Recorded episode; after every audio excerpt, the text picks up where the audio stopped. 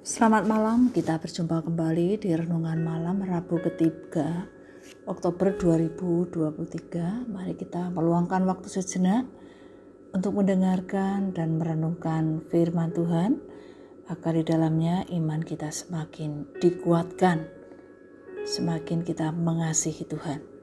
Mari kita berdoa. Bapa yang di surga, kami berterima kasih untuk kasih setia Tuhan yang memampukan kami untuk menjalani dan melewati kehidupan sepanjang hari ini. Terima kasih untuk segala sesuatu yang boleh kami alami di hari ini. Bapa, kami akan mendengar dan merenungkan firman-Mu. Mari Engkau menolong kami, membuat kami dapat memahami dengan benar, membuat iman kami semakin berakar, bertumbuh, dikuatkan oleh firman-Mu, dan kami kedapatan menjadi orang-orang percaya yang setia kepada Tuhan. Berbicaralah ya Tuhan, kami siap untuk mendengar. Dalam nama Tuhan Yesus, kami berdoa. Amin. Mari kita akan bersama mendengarkan firman Tuhan. Hari ini telah sampai dalam kitab Injil Matius pasal 17. Matius pasal 17 Enam hari kemudian, Yesus membawa Petrus, Yakobus, dan Yohanes saudaranya, dan bersama-sama dengan mereka, ia naik ke sebuah gunung yang tinggi. Di situ mereka sendiri saja. Lalu, Yesus berubah rupa di depan mata mereka Wajahnya bercahaya seperti matahari, dan pakaiannya menjadi putih bersinar seperti terang. Maka nampak kepada mereka Musa dan Elia sedang berbicara dengan dia. Kata Petrus kepada Yesus, Tuhan, betapa bahagianya kami berada di tempat ini. Jika engkau mau, biarlah kudirikan di sini tiga kemah satu untuk engkau, satu untuk Musa, dan satu untuk Elia. Dan tiba-tiba, sedang ia berkata-kata, turunlah awan yang terang menaungi mereka. Dan dari dalam awan itu terdengar suara yang berkata, Inilah anak yang kukasihi. Kepadanya lah aku berkenan. Dengarkanlah dia. Mendengar itu, Tersungkurlah murid-muridnya, dan mereka sangat ketakutan. Lalu Yesus datang kepada mereka dan menyentuh mereka sambil berkata, Berdirilah, jangan takut. Dan ketika mereka mengangkat kepala, mereka tidak melihat seorang pun kecuali Yesus seorang diri.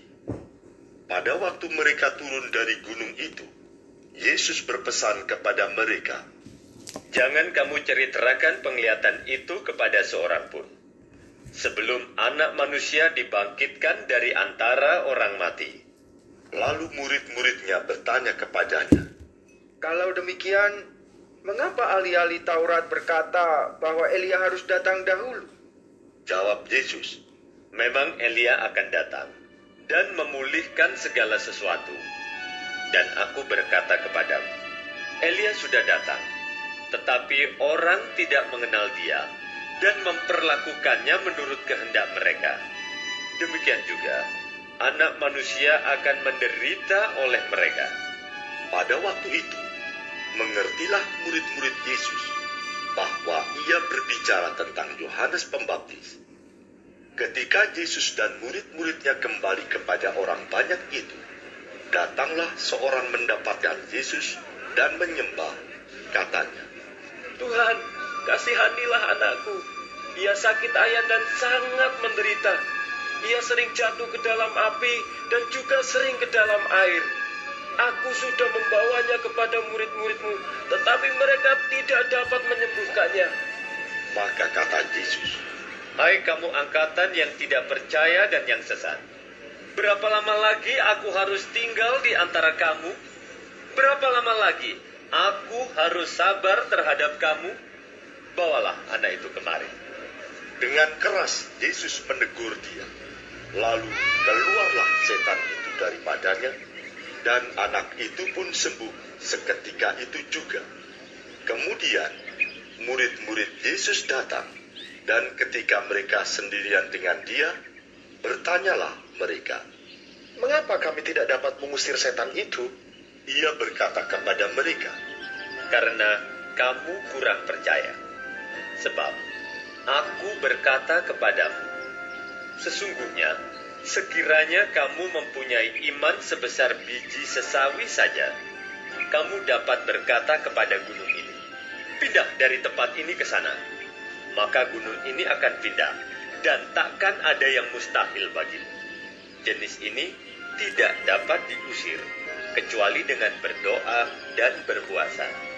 Pada waktu Yesus dan murid-muridnya bersama-sama di Galilea, ia berkata kepada mereka, Anak manusia akan diserahkan ke dalam tangan manusia, dan mereka akan membunuh dia, dan pada hari ketiga ia akan dibangkitkan. Maka hati murid-muridnya itu pun sedih sekali. Ketika Yesus dan murid-muridnya tiba di Kapernaum, datanglah pemungut bea bait Allah kepada Petrus dan berkata, Apakah gurumu tidak membayar bea dua dirham itu? Jawabnya, Memang membayar. dan ketika Petrus masuk rumah, Yesus mendahuluinya dengan pertanyaan, Apakah pendapatmu, Simon? Dari siapakah raja-raja dunia ini memungut bea dan pajak? Dari rakyatnya atau dari orang asing? Jawab Petrus, Dari orang asing. maka kata Yesus kepadanya, Jadi, bebaslah rakyatnya. Tetapi supaya jangan kita menjadi batu sandungan bagi mereka, pergilah memancing ke danau. Dan ikan pertama yang kau pancing, tangkaplah dan bukalah mulutnya. Maka engkau akan menemukan mata uang empat dirham di dalamnya. Ambillah itu, dan bayarkanlah kepada mereka, bagiku dan bagimu juga.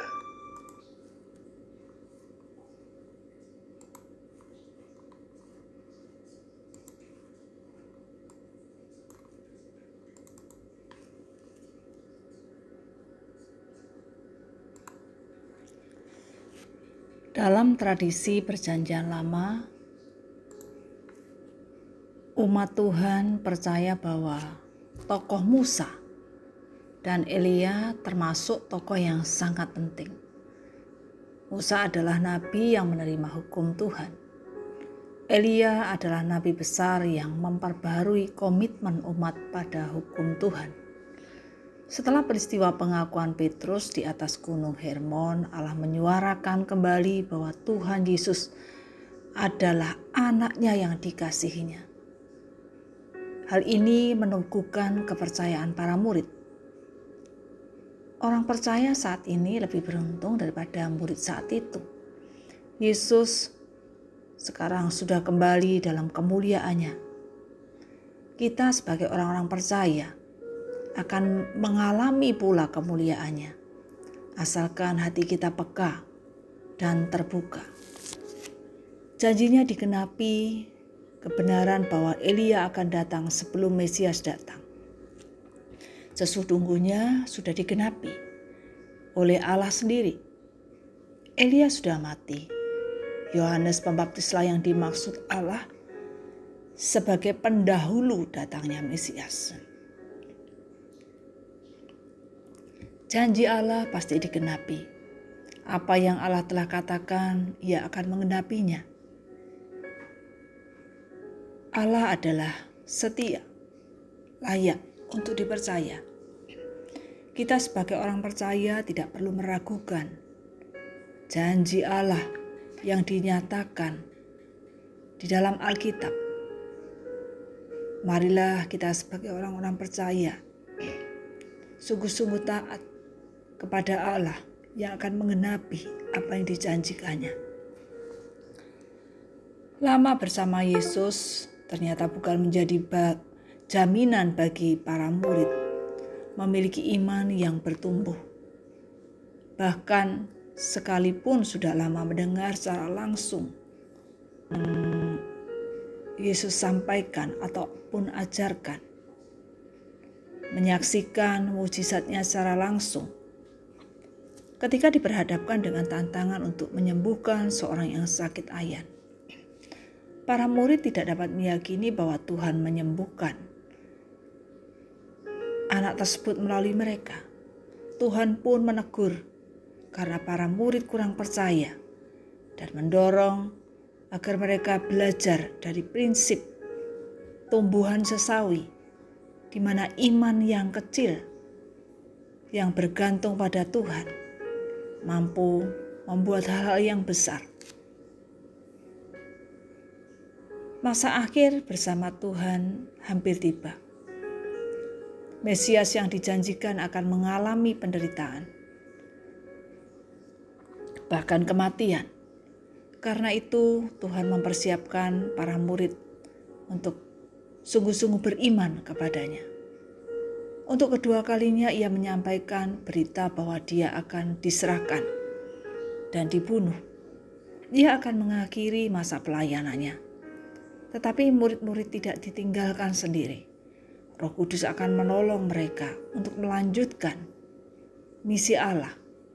Mari kita dengan sepenuh hati percaya pada janjinya bahwa Tuhan menolong setiap anak-anaknya, menolong kita orang-orang percaya untuk melaksanakan misi Tuhan dalam hidup kita. Kita berdoa. Bapa yang di surga, kami bersyukur kami memiliki Allah yang kami tahu Engkau akan menepati yang Engkau janjikan.